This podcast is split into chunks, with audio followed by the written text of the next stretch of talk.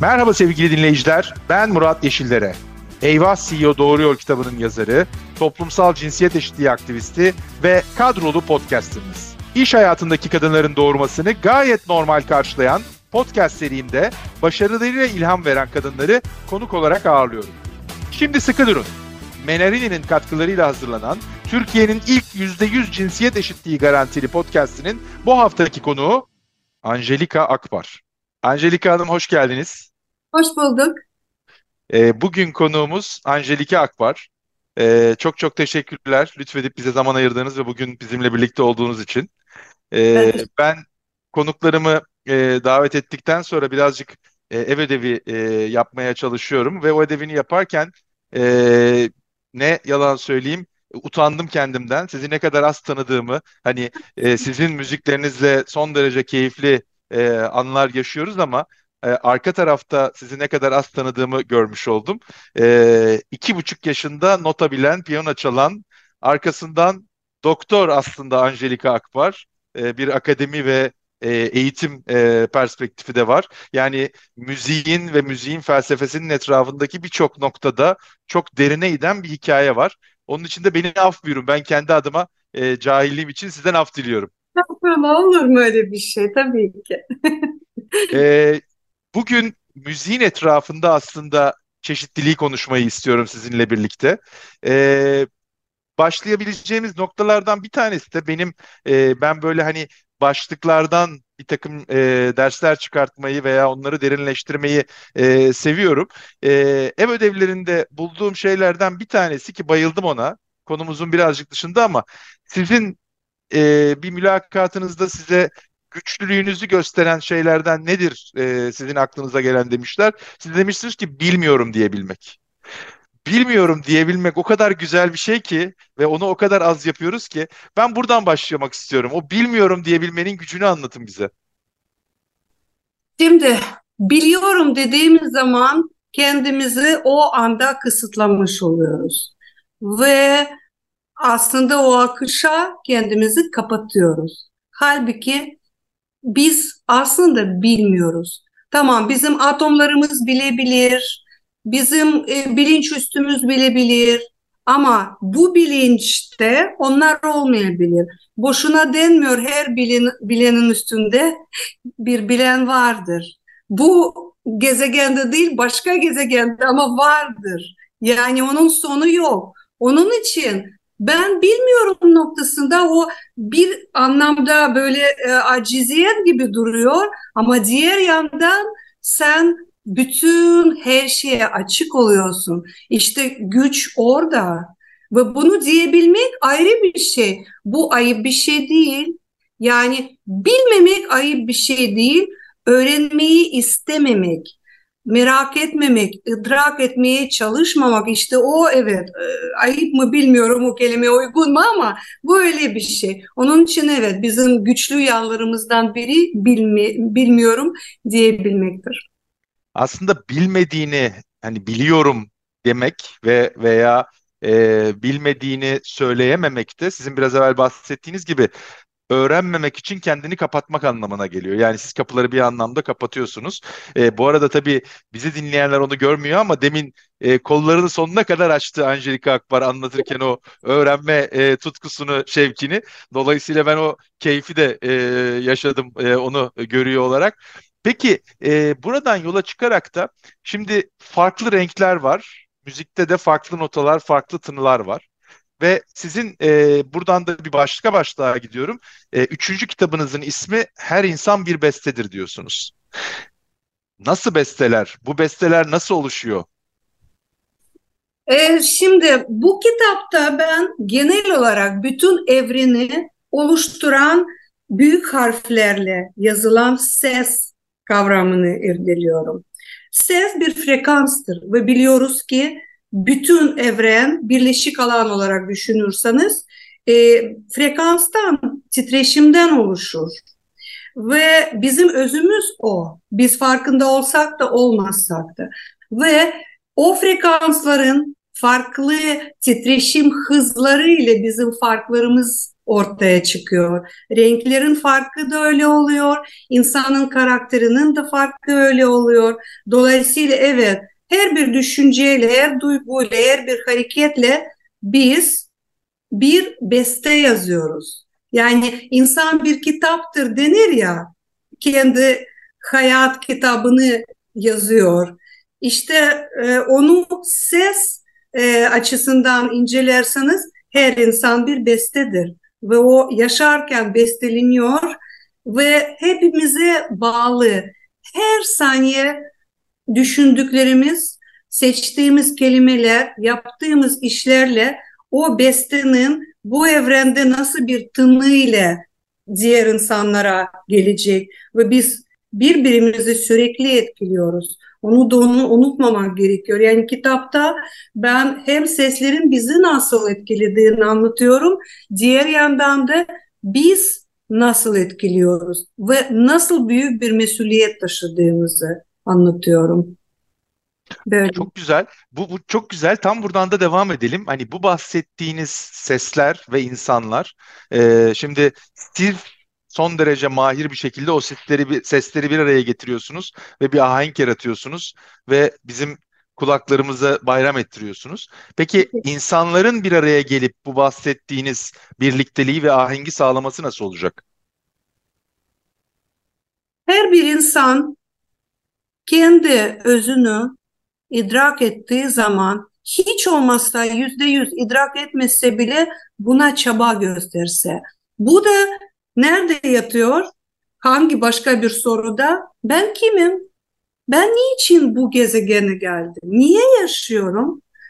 Oradan yola çıkarak o irdeleme başlanırsa e, o zaman özümüzü, o sonsuz özümüzü biz idrak ettiğimiz zaman o zaman birbirimize samimiyet içinde nazik, kibar ve e, akışkan bir şekilde davranmaktan başka bir şey kalmıyor. Başka seçenek yok. İstemez insan başka türlü başka insanlara davranmaya.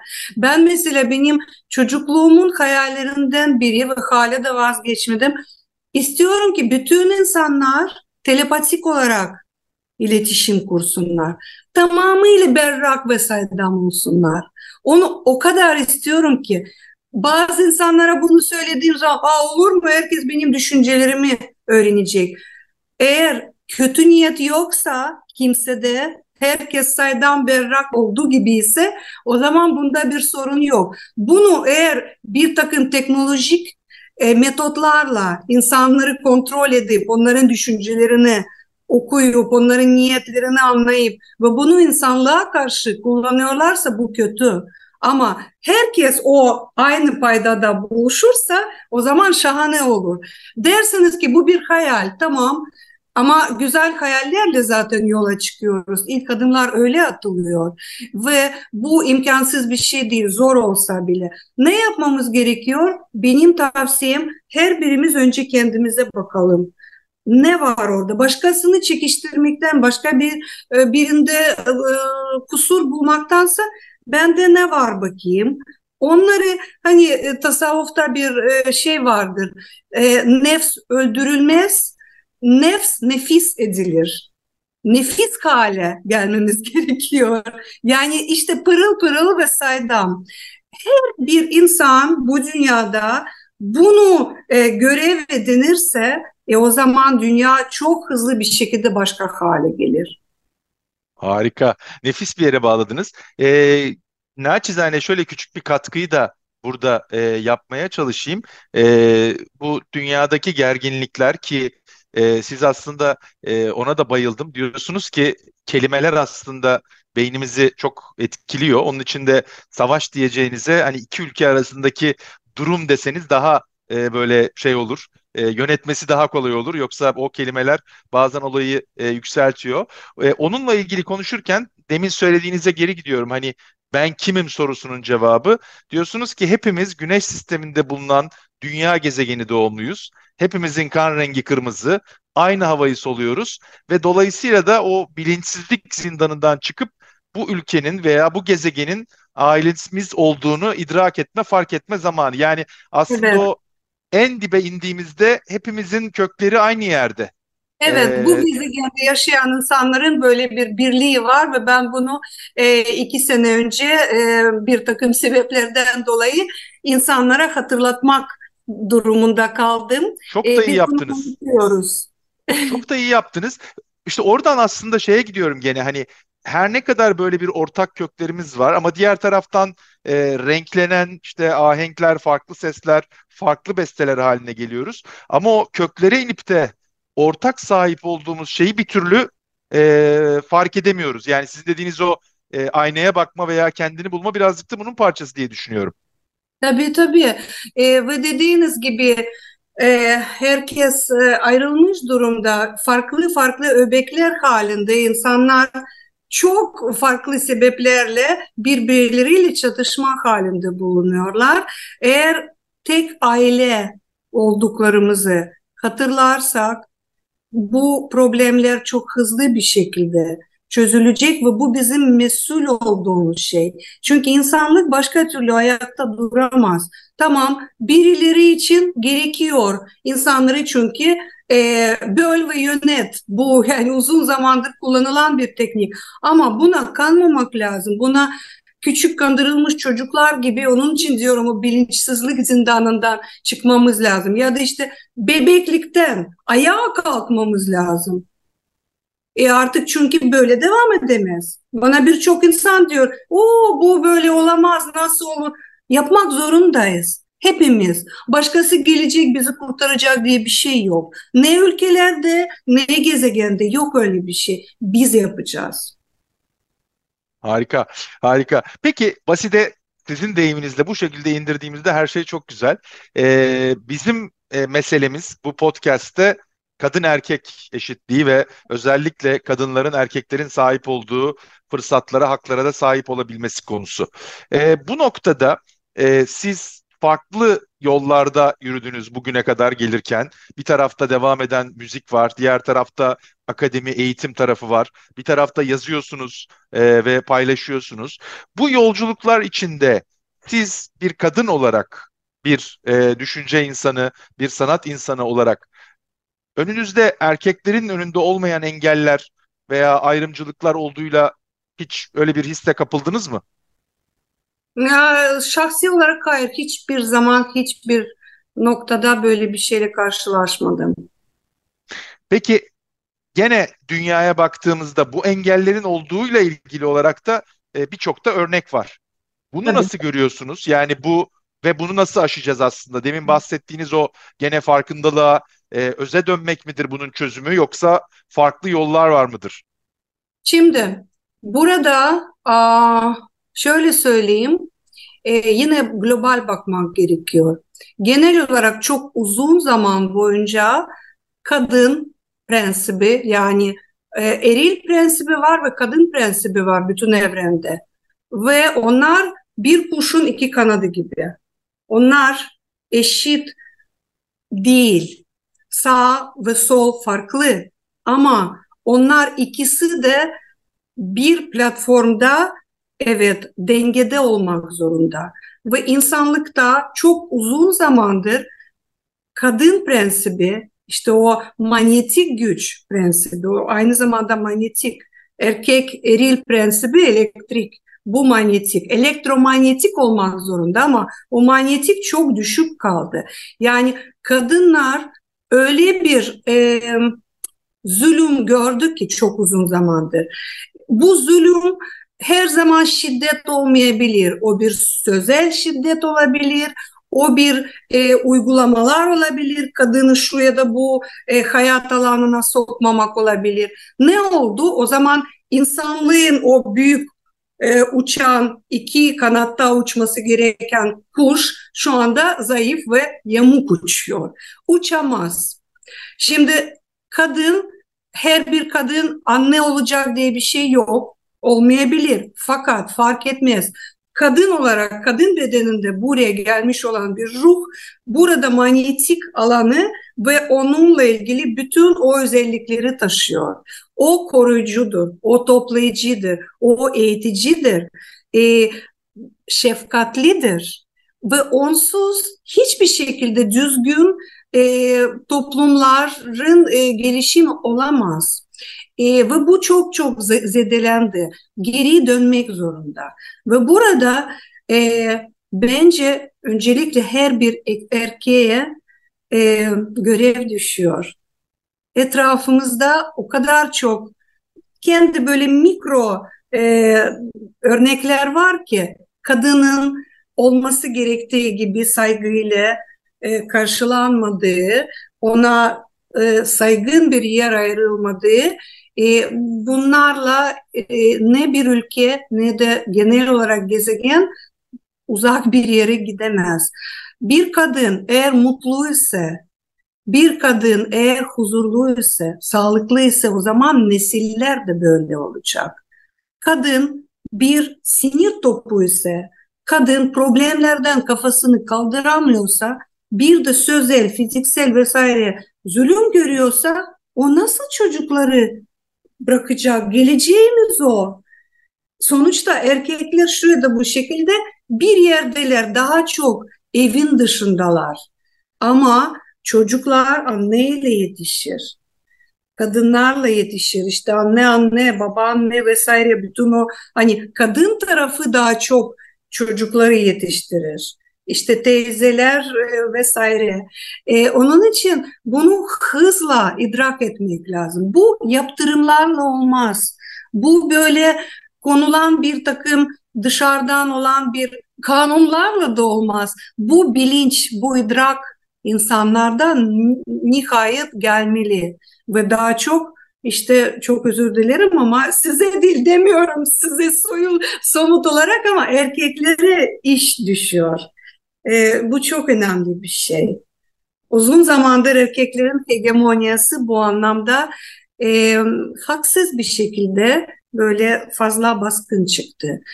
Bu demek değil ki diğer tarafında böyle agresif bir şekilde böyle bir şeye aşırıya kaçarak o zaman işte başka bir şey kalmasın erkekleri yerli bir etmek değil. O zaman dengesizlik o bir tarafa gelecek. Yine dengeli olmayacak. Hem kadının hem erkeğin en güzel tarafları birleştirip ve dengeleyip işte geleceğe böyle yürümemiz gerekiyor. Valla harika konuşuyorsunuz. Ee, bu arada e, bana da söyleyebilirsiniz. Ben de o karşı tarafın temsilcisiyim. Sonuçta erkekler tarafıyla ilgili olarak haklısınız söylediklerinizde. Ben bunun önemli bir erkek meselesi olduğu düşüncesindeyim. Yani erkeklerin değişmesi, sizin deyiminizde bilinçlenmesi e, gerekiyor. E, sizden biraz ayrı düşündüğüm kısım e, derler ya insanın hamurunda hesap vermek yok e, birilerinin ona hesap sorması lazım. O bilinçlenmenin de kendi kendine olması çok uzun zaman alıyor. Belki de hiç olmayacak. Hani o bilinçlenmeyi sağlamak için acaba sizin o hani kanuni veya kurallarla, düzenlemelerle olmaz dediğiniz şeyler bir takım zorlamalar, bir hesap sormalarla hızlanabilir mi diye düşünüyorum. Aa, ben çok emin değilim. Evet dediğiniz gibi bu çok e, hızlı olmayabilir. Fakat kıymetli olan ve hakikaten uzun ömürlü olan şeyler içten olan şeyler. Biliyorsunuz bir yumurta içinden ha dışarıdan kırılırsa e, omlet olur. İçeriden kırılırsa civciv çıkar. yani e, onu unutmamak gerekiyor. Ve hangi kanun bana söyleyin lütfen. Yani ben bilmiyorum böyle çinlenmemiş bir kanun. Onun için bu insana kalmış bir şey. Kanun olabilir ama insanlar öyle yollar buluyorlar ki eğer o kanuna karşı bir şey çıkartmak istiyorlarsa ben bilmiyorum. Siz inanıyorsanız ki kanunlar evet bu işi yapar ben bilmiyorum. Dışarıdan işte olmuyor. Omlet oluyor. Çok güzel. Yepyeni bir kavram getirdiniz. Hakikaten e, omlet mi yapmak istiyoruz, civciv mi yaratmak istiyoruz? E, çok çok doğru. Hakikaten biz hayat yaratmak, civciv yaratmak istiyoruz. Peki, e, gene sizinle ilgili bir iki mülakatı okurken enteresan benim öğrendiğim şeylerden bir tanesi. E, böyle büyük sorunların çözümünde e, veya büyük konuların e, ele alınmasında e, müziğin de kuvvetli bir etken olduğunu dile getiriyorsunuz. Hatta çok güzel bir saptamayla diyorsunuz ki işte savaşlarda o ahengi veya motivasyonu marşlarla e, sağlıyorlardı eski zamanlarda. Sonuçta orada da müziğin e, bir etken olduğu unsur var. Bu konuştuğumuz konularda yani bu e, çatışmalarda, o dengesizliğin ortadan kalkıp ahengin, dengenin sizin deyiminizle oluşmasında, müziğin, notaların, bestelerin hani madem diyoruz ya e, besteler ve insan bir etkisi olabilir mi? Etkisi var. Tabii ki var. Şu anki durumdan da e, sorumlu müzik. Çünkü onu yanlış kullandılar. Yani kendilerine göre doğru kullandılar da e, insanlığa karşı yanlış kullanıldı ve o durumdan çıkmak için de yol yine e, çok büyük bir ölçüde müzikte çünkü e, müzik bir güçtür çünkü müzik frekans ve biz biliyoruz ki ses ben o örneği veriyorum siz de biliyorsunuz doğru bir şekilde ayarlanmış bir sesle bir binanın camlarını patlatabilirsiniz bir dağı kırabilirsiniz ve bunun sonu yok. İnsanları İnsan, sağır da edebilirsiniz. evet, Tamamen. ya da eğer o frekans insanların sinirli veya işte uyumsuz ya da agresif nasıl yapılacağını biliyorsanız onu da yaparsınız. Ne yazık ki bütün bunlar yapıldı ve bunlar yapılmaya devam ediyor. E, dolayısıyla e, mesela e, Tavistock Enstitüsü ve de 440 Hertz konusunu inceleyen en az çok az araştırma bile yapan birileri hemen anlar neden bahsettiğimi. Çok derine girmeden sadece böyle bir ipucu vereyim. Dolayısıyla bunu nasıl düzeltmek gerekiyor? İşte ben kendimce e, şimdi yeri gelmişken e, bir albüm e, yaptım. Ahenk 432 432 Hz ile yani titreşim hızı ile e, kaydettim bu çalışmayı. Özellikle de buna yönelik insanların o sinirlilik ve agresiflik halini daha dengeli, daha doğal, daha kendiyle barışık, dünyanın da gezegenin ve doğanın da bir parçası olduğunu bize içten yani rezonans olarak hatırlatan bir frekanstır bu. Ve şu anda dünyada bu frekans kullanılmıyor. Halbuki 440 Hz'e e, ancak geçen yüzyılın ortalarında 40'lı yıllarında geçildi. Onun ciddi bir hikayesi var ve ciddi etki alanları var. Kasarları da çok ciddi. Yani böyle diyebilirim size. Ee, çok çok değerli, güzel, ne güzel açtınız bu konuyu. Ee, yanlış bilmiyorsam bu albümü tasarlarken ve oluştururken e, maalesef yılbaşında yaşadığımız deprem faciasının da bir anlamda e, etkisiyle böyle bir çalışma yapma e, fikri de doğmuş. Belki onu da açmak istersiniz. Evet, e, aslında ben bu çalışmayı uzun zamandır yapmak istiyordum ama bir böyle bir bir türlü olmuyordu. Demek ki bir e, itici bir güç, bir sebep somut bir sebep lazımdı bana. Ne, ne yazık ki böyle bir sebep oldu. Şöyle ki e, deprem olduğu gün sabahtan yurt dışından bir arkadaşım yazdı bana Türkiye'de büyük deprem oldu ama ben daha bilmiyordum ne boyutlarını ne olduğunu, nerede olduğunu ama hemen kalkar kalkmaz e, özellikle 432 Hz evde iki piyano var. Normal kuyruklu piyano 440 mecburen ayarlanmıyor çünkü. Bir de başka bir alet 432. Oturdum ve içimden gelen o anda bir müzik geldi içimden. O benim bestem değil ama bir uyarlama. Sovyet bir bestecinin Teriverdiev'in bir müziği. E, onu dedim ki kayda alayım video olarak ve çalarken oraya güzel düşünceleri, güzel duyguları yolladım ki her nerede kime ihtiyaç varsa çünkü uzaklık yok. Hepimiz tek alanda yaşıyoruz. Bizim e, aklımızda o uzaklık ve sınırlar var ama aslında yok. Ben o kaydı yaptıktan sonra e, basın danışmanıma o zaman yolladım. O meğer öğrenmiş oldu e, depremin o ilk saatlerdeki bile e, boyutunu ben dedim ki acaba paylaşsam faydası hayır hayır bu düşündüğün gibi değil ve ben de sonra araştırınca anladım ne olduğunu ve bir müddet o kaydı e, paylaşmadım. Gece gündüz biz hepimiz farklı bir e, çok zor bir dönemdeydik ve daha sonra e, Instagram hesabımda dedim ki tamam iki hafta galiba geçti ben o kaydı koyayım. Çünkü ben inanıyorum ki bazı insanlar var ki kelimelerle siz onlara yardım edemezsiniz ama belki naçizane belki müzik bir şekilde onlara bir avutma olarak gelir, bir birazcık sakinleştirir ve belki umut verir. Ve ben onu koyduğum zaman Instagram'a insanlardan yani mektuplarca bir e, yanıt geldi. Lütfen bizim çok ihtiyacımız var böyle müziklere, böyle bir yaklaşıma. Gerçekten hiçbir söz, hiçbir şey bize iyi gelmiyor ama bu iyi geldi. Ve o zaman ben karar verdim. Katta çok böyle bir e, birkaç kişi yazdı. Sizin böyle bir seri yapmanız lazım, albüm yapmanız lazım. Ve bu albüm bu vesileyle oldu. Tamam dedim. Bu şimdi tam zamanı olmalı. Harika. Ee, sizin gene bir söylemenizde çok önemli. Gerçi bu söylediğinizde de belki e, birleştirmenin etkili olacağını düşünüyorum. Diyorsunuz ki e, sağlıklı beden, sağlıklı ruh ve e, bir anlamda hayatı o anlamda da dinlemene ihtiyaç var. Yani o sağlıklı ruh için müziğin etkisinin çok önemli olduğunu e, altını çiziyorsunuz. E, burada da e, bizim e, programımızın e, destekçisi olan e, Menarini ee, onun da söylemi içinde bu bahsettiğiniz daha fazla sağlık, daha fazla mutluluk ve daha fazla hayat misyonu e, var. E, Menerini konuklarımıza e, konuştuğumuz bu toplumsal cinsiyet eşitliği konusu için biraz evvel de birazcık sohbet ettik onunla ilgili olarak. Eğer ellerinde sihirli bir değnek olsa bu konuyu çözmek için, hani biraz evvel sizin o bahsettiğiniz bilinçlenme e, perspektifinden bakıldığında, o sihirli değnekle neyi değiştirmeyi öngörürlerdi ilk olarak diye sormamızı istiyor. Ben de o soruyu yönlendireyim size. Bir şans mı var? Sizin için üç şans olsun. Madem öyle bir listeniz var hepsini paylaşın. Ama tek şans olsa da ne olur? Üç olsa ne olur?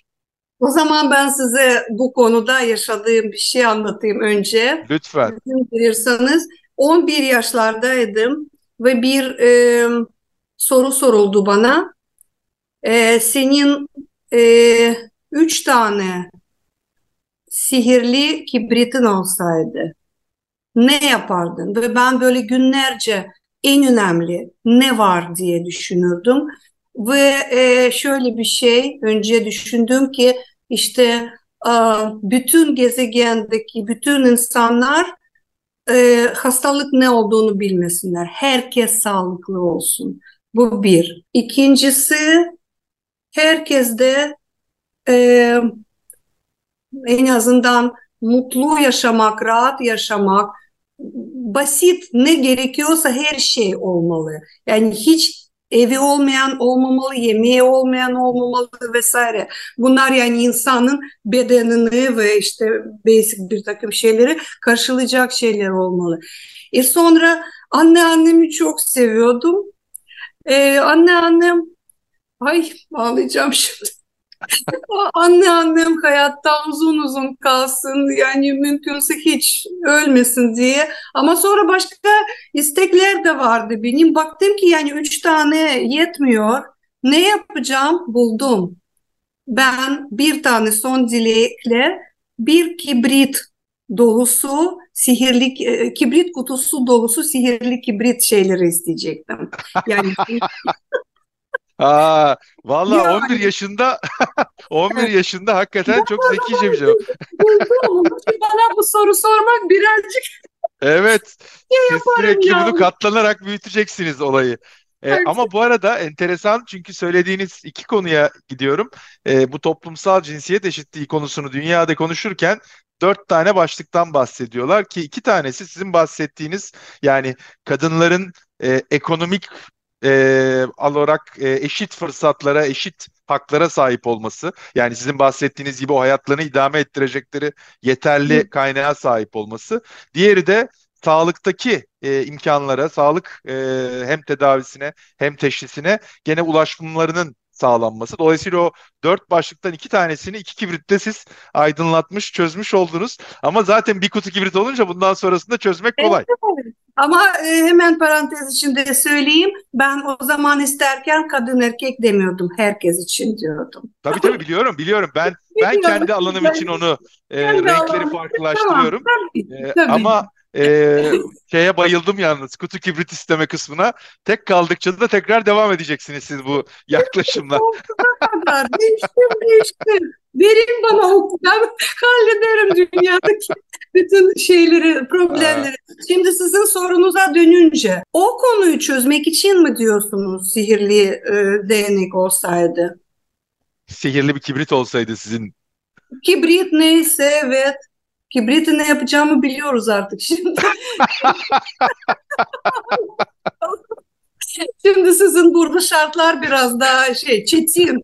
Bir tane neyse üç, e, üç dilek. Ama madem sihirli o zaman imkansız bir şey yok değil mi? Tabii ki imkansız hiçbir şey yok. Her şey Tamam. mümkün. Bütün insanları, dünyadaki bütün insanları uyuturdum anında, aynı anda. Ve bu insanların gerçekten nereden geldiklerini gösterirdim. Çünkü burası bizim bedenlerimiz. Biz be- bu beden değiliz.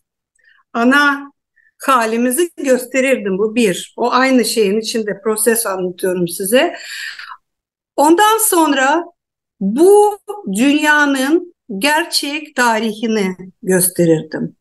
Biz tarihin yüzde 95'ini bilmiyoruz. O bildiğimiz, zannettiğimiz beşi de böyle hani bir kap, bir vazo düşünürüz. Onu böyle binlerce parçaya kırıp farklı farklı taraflara atarız. İşte biz bu bu kadar. Biz bilmiyoruz.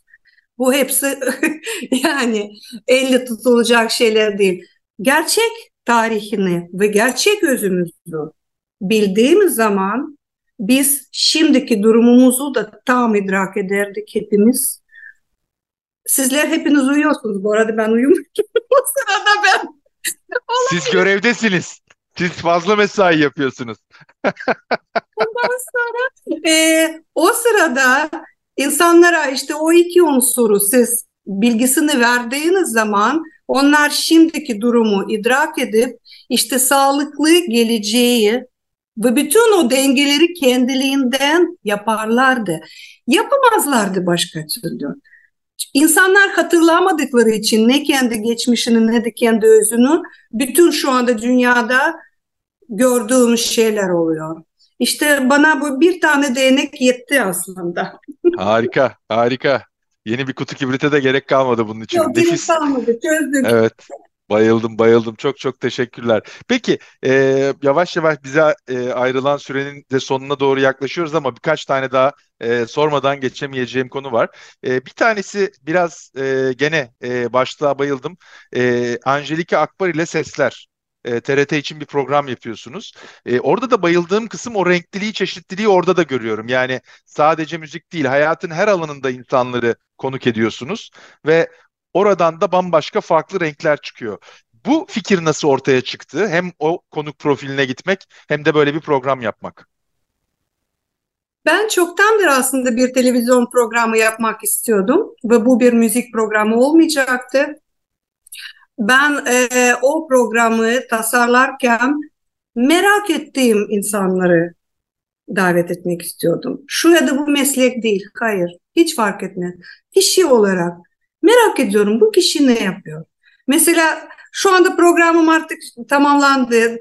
Umarım başka türlü bir program olur ama e, mesela sizi merak ettim. Ben sizi davet ederdim. Program devam etseydi. Tüh, geç ulaştık biz birbirimize. Ha, Neyse bir dahaki sefere. Başka programda Başka programlara. yani kıstas buydu. Ben merak ediyorum ve her insan bir bestedir e, cümlesinden yola çıkıyordum. Ben bir konuğu davet ettiğim zaman en az her bir konuk için iki hafta hazırlık yapardım. Cicik cicik bütün bilgileri kendim bulurdum ve tarardım. Bana yollanan şeyleri değil, kendim soruları çıkartırdım ve işte o programda ben o insanın bestesini duymaya ve başkalarına duyurmaya çalışıyordum. Ee, benim için o çok e, kıymetli bir şeydi. Yani aslında e, programın sonunda da en ilginç şeylerden biriydi. Benim için her seferinde farklı bir sürpriz. E, gelen konuğun e, duygu ve düşüncelerinden program esnasında etkilendiğim şeylerden piyanoya geçiyordum ve o anda hiç hiçbir hazırlık olmadan ve ilk tuşa hangi tuşa basacağımı bile bilmiyordum. Gözlerimi kapatıp o insanın bir nevi müzikal emarını çekiyordum. O sırada wow. bir kere olabilirdi. Tekrar olamazdı. Kameramanlardan hiç kimse sesini çıkartamazdı. Hapşıramazdı. Çünkü yeniden olmaz. O akış bir kere olurdu. Ve biz onu kayda alıyorduk ve o benim konuklarıma hediyeydi. Böyle bir Neler kaçırmışım neler. Çok çok şimdi üzüldüm. Ee, bir dahaki sefere inşallah. Peki keyifli bir notayla, keyifli bir şeyle kapatalım. Ee, çünkü e, gene bayıldığım yorumlarınızdan bir tanesi de e, mutlulukla ilgili söyledikleriniz. Yani diyorsunuz ki aslında küçük bir gülümseme, e, birkaç söz veya e, rüzgar veya bir ses hepsi bizi mutlu edebilecek şeyler. E, sizin gene programda konuk ettiğiniz e, Levent Erden e, gördüm ki onun e, sevdiğim bir tespiti var. Diyor ki eskiden mutluluğu biz sahip olmakla e, zannediyorduk. Yani bir şeylere sahip olup mutlu olacağımızı sanıyorduk. Aslında şimdi ait olarak mutlu olmaya yani bir şeylerin parçası olmak, e, bir çevrenin, bir ortamın, bir ailenin veya sadece bu dünyanın parçası olmak da bize mutluluk vermek durumunda. Biraz bize mutluluğu, sizi mutlu eden şeyleri anlatın ve o keyifle de kapatalım bugünkü podcast'imizi. Ee, daha geçen gün e, Instagram hesabımda paylaştığım bir fotoğraf vardı. Ben ve yanımda bir kocaman oyuncak traktör. Ben çok mutluyum çünkü o traktör bana hediye edildi ve ben oh. Gerçekten bunu da ben merak ettim. Size oyuncak traktör kim hediye etti? ya işte dostum zaten onlar biliyor. Onlar İzmirli dostlarım. O taraflara geldiğim zaman beni mesela havaalanından sağ olsun aldıklarında bir yerlere gittiğimizde vesaire.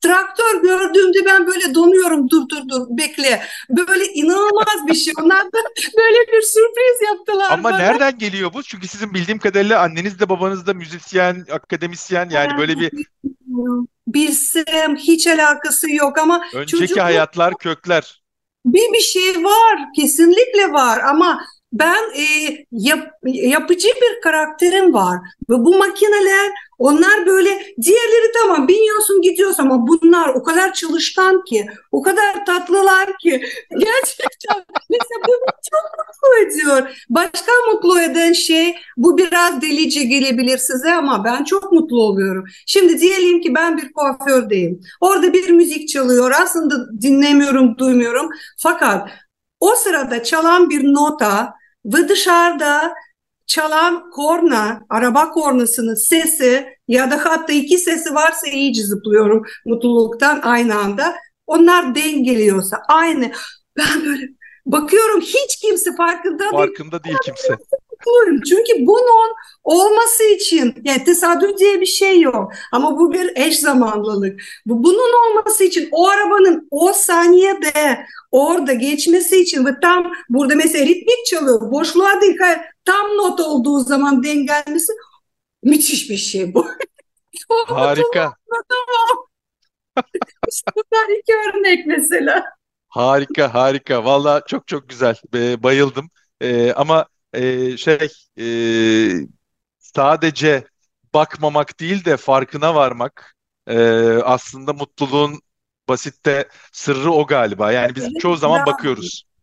Evet evet görmek, duymak, işitmek yani. Sürekli farkındalık o işte. O zaman o kadar çok mutluluk için şey buluyoruz ki. Angelika Akpar günümüzü aydınlattınız. Çok teşekkürler bizimle olduğunuz için.